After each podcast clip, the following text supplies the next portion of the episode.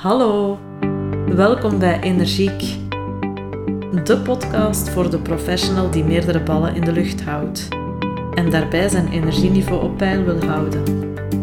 Mijn naam is Tuggy Peters. Ik ben ondernemer en coach.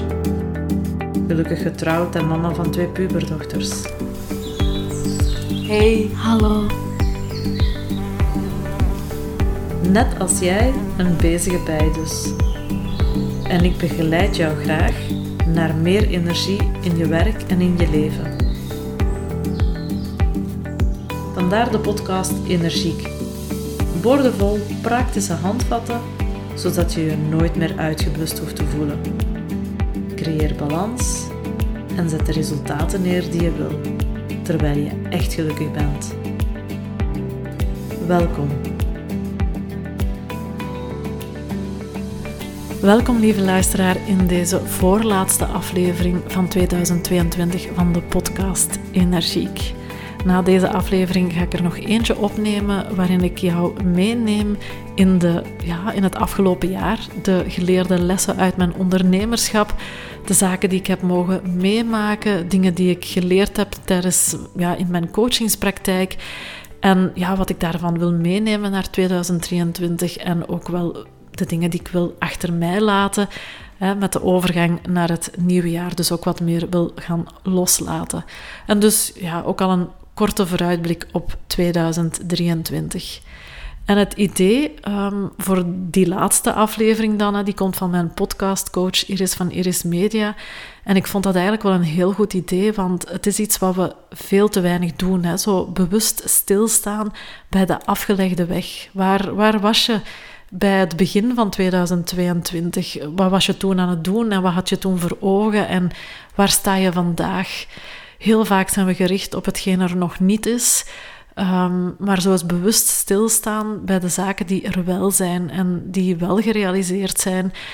En daar ook gewoon ja, met een, een dankbaarheid kunnen naar terugblikken, dat kan ontzettend veel energie geven om nieuwe plannen te maken voor 2023. Dus ik kijk er alvast naar uit om die uh, ja, te gaan opnemen. Nadien ga ik in een winterslaapje, dan ga ik wat vakantie nemen en uh, ga ik weer wat lezen. Hè. Ik lees heel graag.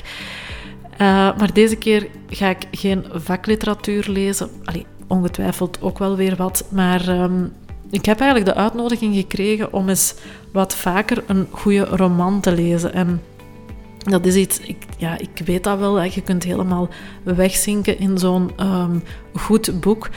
Maar ik ken er eigenlijk veel te weinig van. Uh, dus ik heb ook geen zin om zo een uur in de standaard boekhandel te gaan zoeken achter een goede roman. Dus ik heb aan een aantal mensen uit mijn omgeving, waarvan ik weet dat ze heel veel lezen, gevraagd van kunnen jullie mij eens geen, uh, een goede roman vanuit jouw kast meebrengen die ik dan kan lezen tijdens mijn vakantie. En ik heb hier onder andere het boek liggen Duizend schitterende zonnen van Khaled Hosseini. Die heb ik gekregen van Betty. En ik heb um, ook nog wat boeken van Griet Op de Beek. En ik heb ook nog Conversations with Friends, die heb ik van Isabel gekregen. Dus um, hier ligt nu op dit moment leuke literatuur genoeg om tijdens de vakantie in weg te zinken. En ik ga me dus ook bewust wel wat terugtrekken uit het social media gebeuren.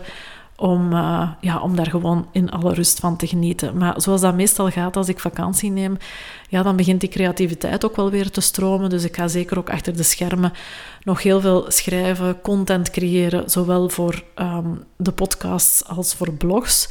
Want wat ik wel gemerkt heb de afgelopen twee maanden, ben ik daar wat minder mee bezig geweest, hè, omdat er een aantal andere dingen op mijn pad zijn gekomen. En dan merk ik dat ik dat, één, dat ik dat mis, maar ook dat um, het wel enorm helpt om er gewoon mee bezig te blijven, want anders wordt het, ja, wordt het weer zo iets dat op de achtergrond geraakt. En ik krijg er uiteindelijk ook superveel energie van. Dus um, heb ik mij eigenlijk al wel voorgenomen, kan ik misschien ook al wel delen, dat ik in 2023 uh, nog meer focus wil leggen op schrijven en op podcasting. En dat ik dus de frequentie van lancering uh, een beetje wil verhogen. Dat zijn mijn intenties tot nu toe. Dus uh, meer daarover in de laatste aflevering van 2022.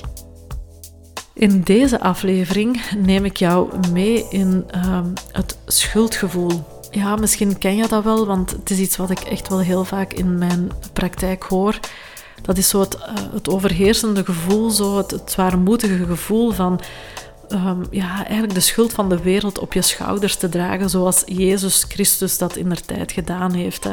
Dat is zo wel eens een uitspraak dat ik hoor hier van mensen die echt wel wat last hebben van schuldgevoel. En ja, mij is dat schuldgevoel ook zeker niet onbekend. ik ben er ook al veel mee aan de slag gegaan en moest mijn therapeut nu aan het luisteren zijn, zij uh, kan dat beamen. Dus uh, ik ken dat uh, heel goed.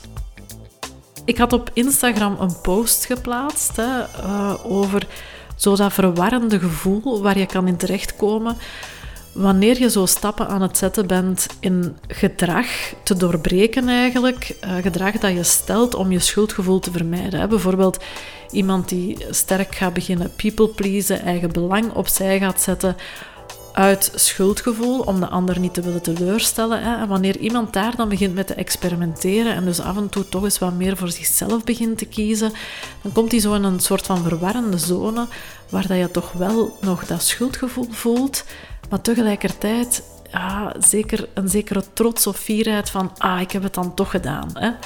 Daar had ik een eh, post over gemaakt, er was best wel wat reactie op gekomen en dan had ik een poll gelanceerd met de vraag van, ja, zouden jullie het ook wel fijn vinden om daarover eens een podcast te kunnen beluisteren? En daar hebben jullie dan ook weer uh, met velen ja op gestemd.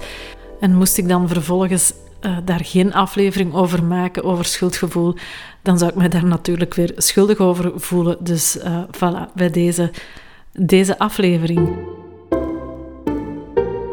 En als ik nu kijk naar een van de belangrijkste redenen wat mijn cliënten mij aangeven waarom ze er nog niet in slagen, bijvoorbeeld om bepaalde gedragspatronen te veranderen of te doorbreken, zoals dat people please, steeds maar goed willen doen voor de ander, um, ja, het continu veel en hard werken.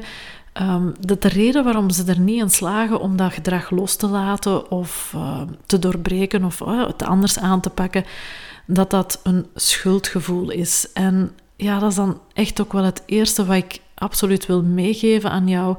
Dat is dat je je zeker ook niet slecht hoeft te voelen dat dat uh, nog niet lukt. Ik beleid voor de Wanneer er sprake is van een schuldgevoel, dan heb je eigenlijk te maken met iets wat groter is dan jouzelf. Dan heb je te maken met iets systemisch, iets wat voortkomt uit jouw opvoeding, uit jouw gezin van herkomst, uit jouw uh, familiepatronen. Hè? Dat is hoe dat we dat hier doen, of uit jouw uh, bijvoorbeeld eerste werkervaring, waarin je bent opgeleid geweest en waarin men gezegd heeft: zo doet men dat hier uh, op het werk. Dus dat dat niet zo makkelijk is en dat het niet opgelost is met gewoon het zinnetje: ach, laat dat schuldgevoel toch gewoon los en doe toch uw ding. Ja, dat dat zo niet werkt, uh, ja, dat is eigenlijk heel normaal. Zo had ik laatst een cliënt die onderweg was naar de coachingsessie en bij zichzelf aan het bedenken was van, ja, wat is hetgeen wat mij vandaag nog tegenhoudt om echt verandering te brengen? Ja, dat is mijn schuldgevoel. En die onderweg naar de sessie zat te bedenken, nu ben ik toch wel eens heel benieuwd welke toverstaf Twiggy uh, naar boven gaat halen om mij van mijn schuldgevoel af te helpen. Ik heb die natuurlijk moeten teleurstellen, want ik heb geen toverstaf of geen pilletje dat ik kan geven om uh, het schuldgevoel op te lossen. En gewoon zeggen, ja, laat het los, dat, uh, dat werkt ook niet. Uh, hoe je er dan wel kan mee omgaan of wat je wel kan doen, ja, daarvoor zou ik zeggen, blijf luisteren, want daar kom ik straks op terug uiteraard. Dus ik heb geen toverstaf of geen pilletje dat ik kan geven. En ja, hoe moeilijk of hoe diep geworteld sommige patronen zitten. En ja, dus ook hoe moeilijk het is om dat schuldgevoel los te laten. Um, daar werd ik eigenlijk terug mee geconfronteerd tijdens mijn zoektocht naar ja, wat, wat content, wat materiaal om deze aflevering te maken. Want in die zoektocht kwam ik een kaartje tegen wat ik gericht had aan mijn toekomstige zelf. Het is een kaartje dat ik uh, geschreven had tijdens een masterclass die ik gevolgd had eind vorig jaar uh, in Amsterdam omtrent ja, verborgen dynamieken van familiesystemen, voornamelijk in de context van familiebedrijven, gegeven door John Whittington. En uh, de laatste dag moesten we met al hetgeen we geleerd hadden en opgepikt hadden uit de masterclass een kaartje richten aan onze toekomstige zelf. Dear Twiggy, I'm taking one step for the better in business and in life, checking for permission with respect for the peacock's tail of everyone. Looking with kindness and compassion to what's difficult to let go of, and honoring the hard work it has done for the system. Ja, en die woorden als ik die teruglas, ja, die raakten mij diep, omdat ze echt naar de kern gaan van mijn kwetsbaarheid en de mechanismen die ik ontwikkeld heb om erbij te horen en mijn kwetsbaarheid te beschermen. En dat is de kern van de systemische dynamiek van schuldgevoel. Daarom is het ook zo moeilijk om het los te laten. Een schuldgevoel ontstaat eigenlijk wanneer je een norm overschrijdt of een taboe doorbreekt binnen een bepaald systeem. En ja, zo heeft elk systeem zijn normen, zijn set van geschreven en ongeschreven regels. En als je aan die regels voldoet, dan hoor je erbij. Maar als je tegen die regels ingaat, dan loop je risico om uitgesloten te worden uit het systeem. En zo heb je vanuit je gezin van herkomst een aantal ongeschreven regels meegekregen in je opvoeding. Hè. Bijvoorbeeld, ja, een regel die ik heel vaak bij mijn cliënten hoor, is iets in de zin van hard werken wordt beloond. Lui zijn, dan krijg je een veeg uit de pan of dat wordt niet geapprecieerd. Hè. Dan, dan uh, krijg je een beetje uh, problemen met een van je ouders of met beide ouders. Daarom dat ook veel van mijn cliënten niet weten hoe ze rust moeten pakken, want in de zetel hangen geeft vervolgens een schuldgevoel. Want dan word ik gezien als lui hè, door mijn systeem van herkomst, door mijn gezin van herkomst. En loop ik dus het risico om uitgesloten te worden en er niet bij te horen. Dus dan voel ik me schuldig over het feit dat ik in de zetel zit. Want je schuldgevoel is erop gericht om de verbinding te behouden. Om die erkenning en waardering te ontvangen van de mensen die belangrijk zijn voor jou. Om jouzelf te beschermen tegen die uitsluiting. Die uitsluiting uit je familie, je vriendenkring of ja, team op het werk waarmee je samen uh, werkt. Dus jouw schuldgevoel, of de positieve intentie, als ik het zo mag uitdrukken, van jouw schuldgevoel, is om de verbinding te bewaren. Om te voorkomen dat je die norm gaat overschrijden en dus verbinding gaat verliezen. Dus als ik die norm wel overschrijd, ja, dan voel ik mij schuldig. Dus schuldgevoel is in essentie een poging om de harmonie in je relatie met je moeder, je vader, je partner, je vrienden te bewaren maar kan dus een innerlijk conflict creëren, omdat je zelf bijvoorbeeld, als we nu terug naar het voorbeeld van in de zetel hangen, omdat je zelf echt wel behoefte hebt om eens lui in de zetel te hangen en niks te doen. Maar dan overschrijd je die norm vanuit jouw systeem van herkomst, dat je dat niet doet in de zetel hangen, dat je altijd nuttig moet bezig zijn, bijvoorbeeld. Dus als je heel eerlijk bent met jezelf, wil je liever voor jezelf kiezen of doen wat jij belangrijk vindt, maar je schuldgevoel verhindert jou om dit te doen. Jouw schuldgevoel zorgt er dus voor dat de harmonie in de relatie bewaakt blijft ten koste van jezelf. En ja, dat levert een soort van korte termijn rust of, of gemak op zo. Van, omdat je niet de schuld moet dragen van kiezen voor jezelf. En omdat de schuld van niet kiezen voor jezelf net iets makkelijker te verdragen is dan de schuld te moeten dragen om de andere teleur te stellen. En dat ga ik nog eens even herhalen, hè? want het is voor ons soms makkelijker om jezelf teleur te stellen dan de andere teleur te stellen. Maar op lange termijn voel je dan meer en meer wrokgevoelens ten aanzien van, de, van, ten aanzien van die persoon of die relatie, omdat je jezelf iedere keer weer maar opzij zet. Denk bijvoorbeeld aan de moeder die verwacht dat je elke week op bezoek komt, maar jij wilt dat niet. En te lange duur zit je over je moeder te zeuren tegen vrienden en familie en voel je wrok tegenover haar, omdat zij, ja, omdat zij blijft verlangen van jou dat je elke week op bezoek komt. Dus in jouw dynamiek of in die poging om de harmonie met je moeder te bewaren, wordt dat innerlijk conflict alleen maar groter. En ja, het is dan ook weer het, het gekke, hè? wanneer dat innerlijk conflict groter wordt, wordt ook jouw conflict met de buitenwereld groter. Want wat je van binnen voelt, dat straal je uit aan de buitenkant.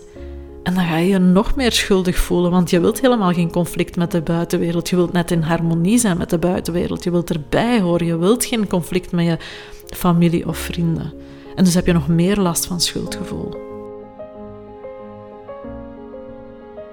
En ik wil graag eens eventjes terugkomen op het kaartje dat ik aan mijn toekomstige zelf had geschreven. En het eerste zinnetje: I'm taking one step for the better in business and in life. Ja, dat zijn woorden, als ik die teruglas, die resoneerden echt wel. En die raakten mij omdat ze in essentie weergeven ehm, ja, het mechanisme dat ik ontwikkeld heb hè, in, in, vanuit mijn systeem van herkomst.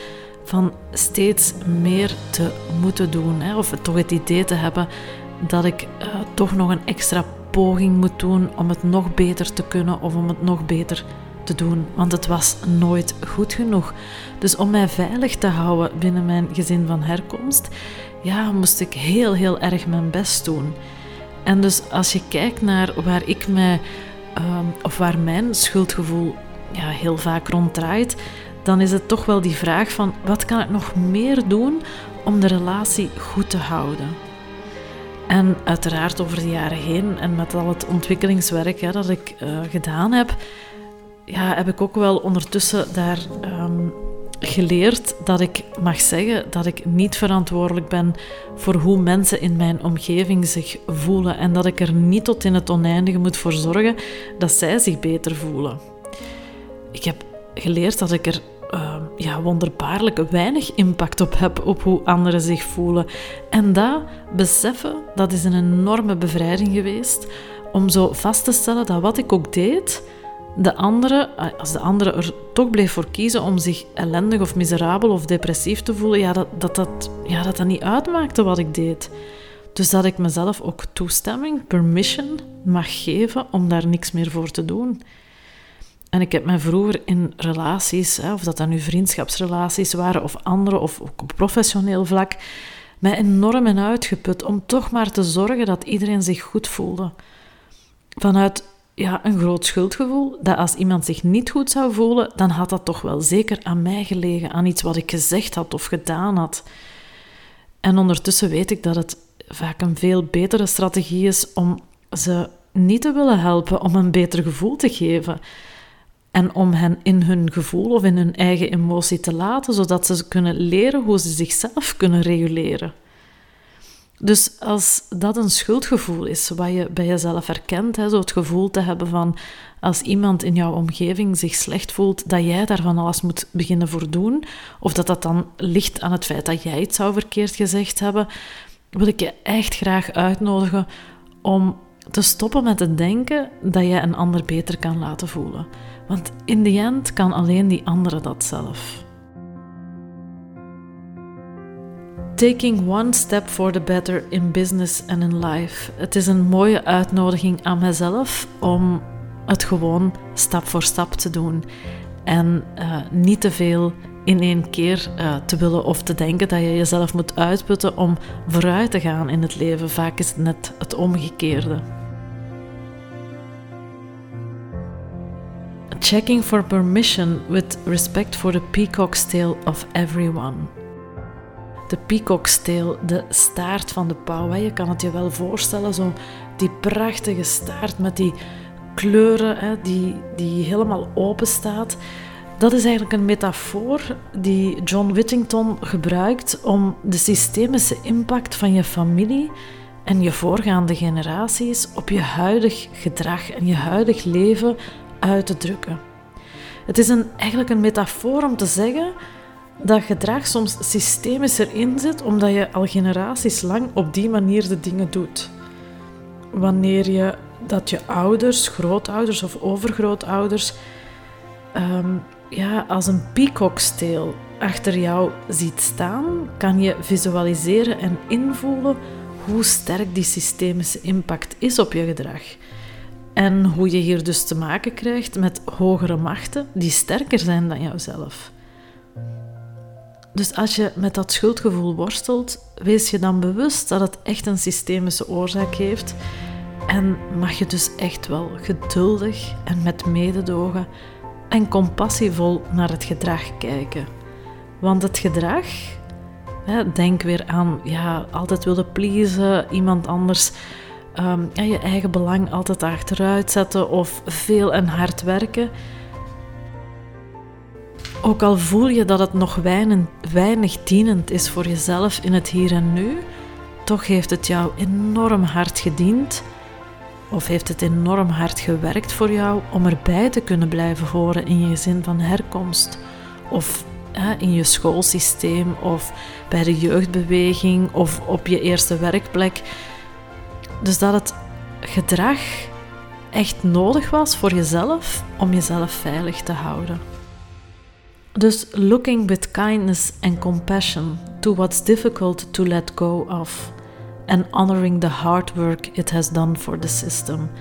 Dus kijken met, ja, met liefde, met compassie naar datgene wat je moeilijk kan loslaten, namelijk hè, iemand uh, blijven pleasen of heel veel en hard werken, ook al weet je dat het eigenlijk niet goed meer is voor jou, maar dat het echt wel zijn wortels heeft, waardoor het zo moeilijk is om los te laten en ook echt dankbaar te kunnen zijn voor al het harde werk dat het voor jou eigenlijk wel gedaan heeft om jou veilig te houden.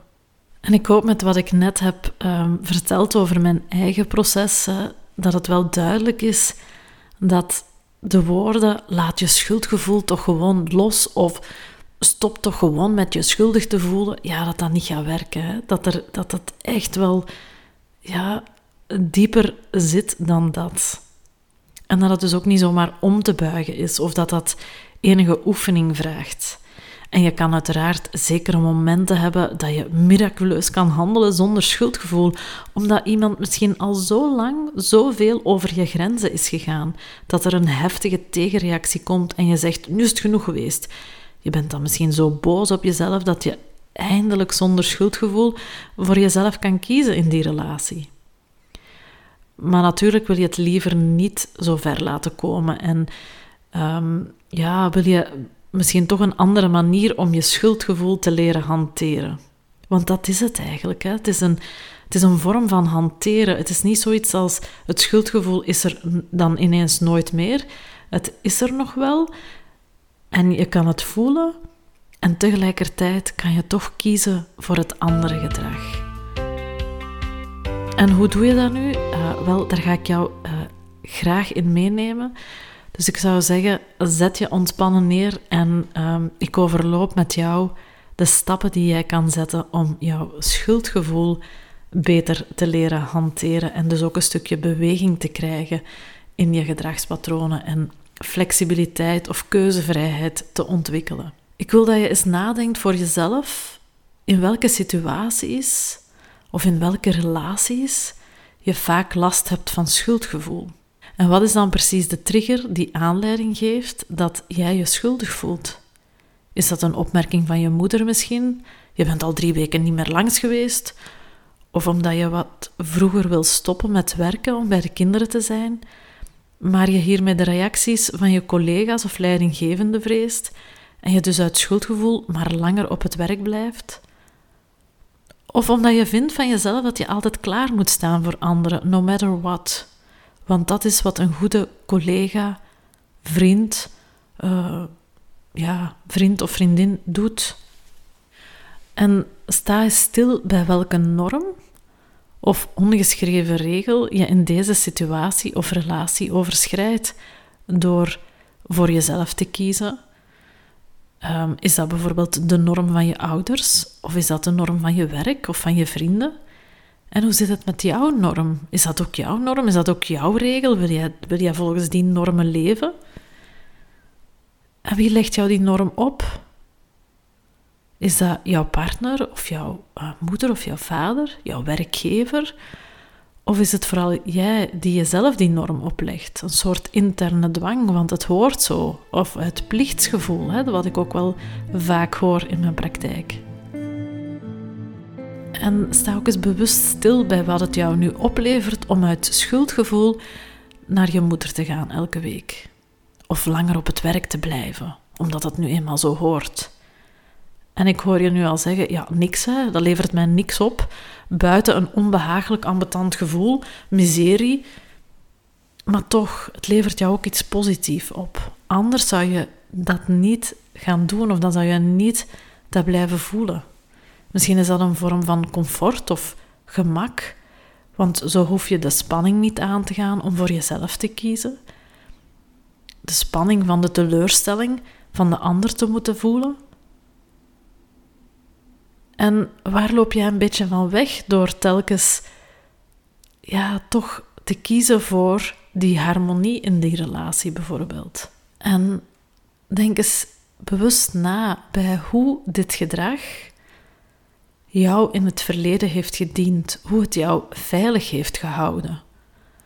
Hoe het misschien nodig was om jezelf te beschermen, om de verbinding te kunnen houden met je ouders, met je familie, met je vrienden. Hoe dit gedrag eigenlijk voortkomt uit je opvoeding, want zo deed je moeder of vader het ook. Dat heb je geleerd thuis. En hoe belangrijk dit was in jouw gezin van herkomst. Hoe je als kind of je jongere zelf misschien ja, niet het vermogen had om op dat moment tegen je ouders in te gaan. En kijk hier eens naar compassievol en met mededogen, met mildheid. Want dit gedrag, stel dat het gaat bij jou over uh, people pleasing of perfectionisme of ja, altijd maar goed willen doen voor iemand anders. Het heeft jou ook veel opgeleverd. En dit mag je ook eens heel bewust gaan voelen en daar ook dankbaar voor zijn. Dat het jou zoveel heeft gebracht. Ook al dient het jou vandaag misschien niet echt meer omdat het jou uitput of zo. En ga dan eens voor jezelf na.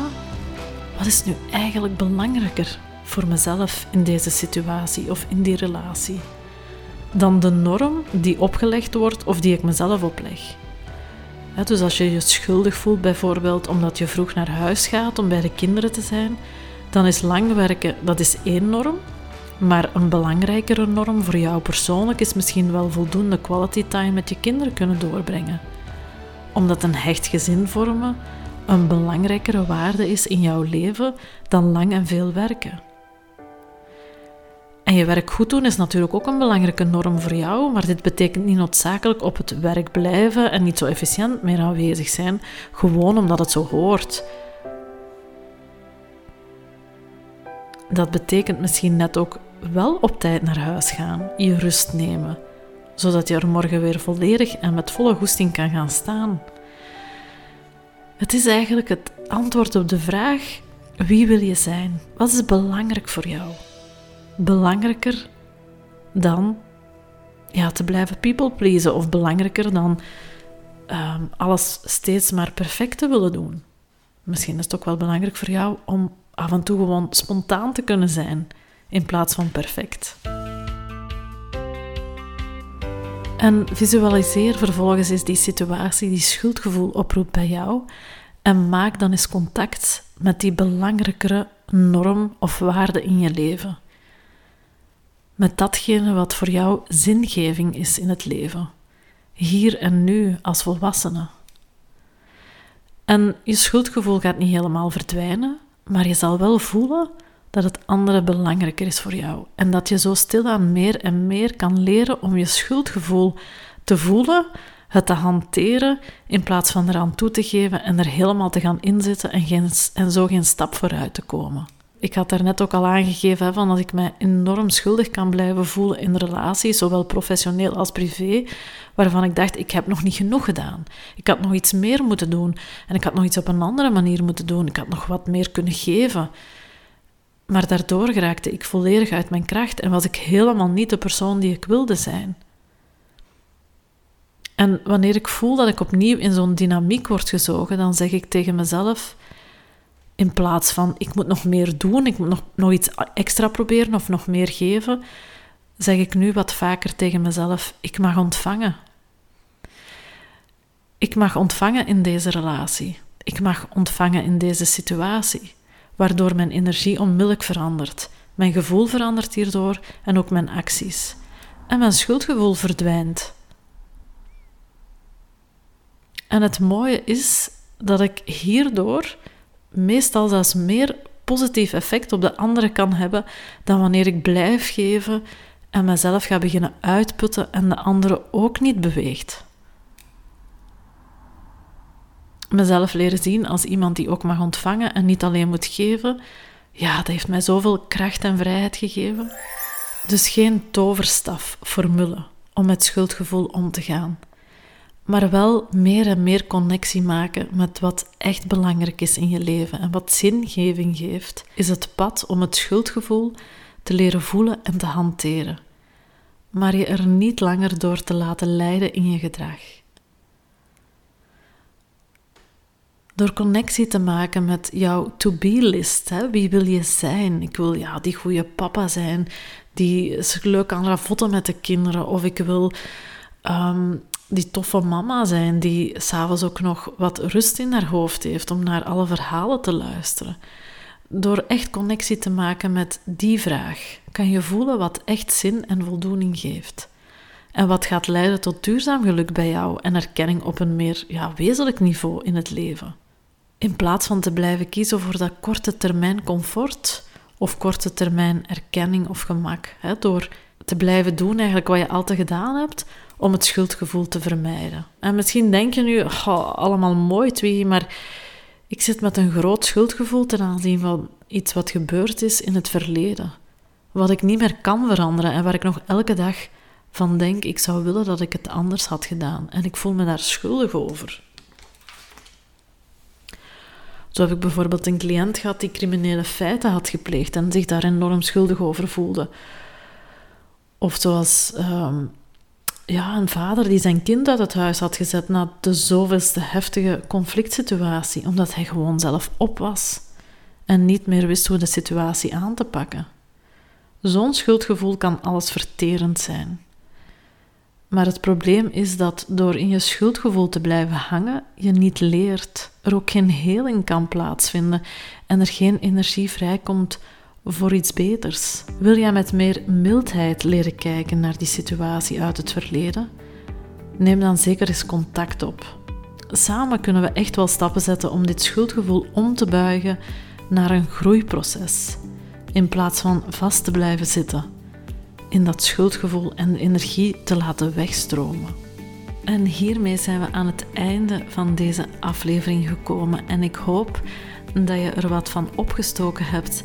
Dat je wat ehm, mildheid hebt kunnen ontwikkelen ten aanzien van jouw gedragspatronen, die je misschien wat moeilijker kan loslaten, omdat dat jou een schuldgevoel zou geven. En hoe dat je ja, toch wel kan uh, zien hoe dat dit schuldgevoel voortkomt uit iets wat groter is dan jezelf. Blijf jij worstelen met dit schuldgevoel? Wil jij dit ook nog wat beter leren hanteren? Ehm, en ja, keuzevrijheid in je gedrag leren ontwikkelen. Neem dan zeker contact op twiggy.energy-coach.be en ik begeleid jou daar heel graag in als jouw coach, maar ook als ervaringsdeskundige. Ik denk dat dat wel duidelijk geworden is tijdens deze aflevering. Um, heb je nog feedback voor mij of zit je nog met vragen? Laat het mij zeker weten. Of als je nog een goede tip hebt voor een leuke roman om te lezen, mag je dat mij natuurlijk ook altijd laten weten. En dan uh, wens ik jou nog een energievolle dag en graag tot de volgende keer. Bedankt voor het luisteren naar Energiek. Ik ben Twiggy en ik wil dat jij als drukke professional je energieniveau op peil houdt. Haal je energie en bruikbare tips uit deze podcast en wil je dat anderen hier kunnen van meegenieten? Deel deze podcast met jouw vrienden, familie, collega's of geef deze podcast een review. Dat zou ik heel fijn vinden. Ik wens je nog een energievolle dag en tot de volgende aflevering.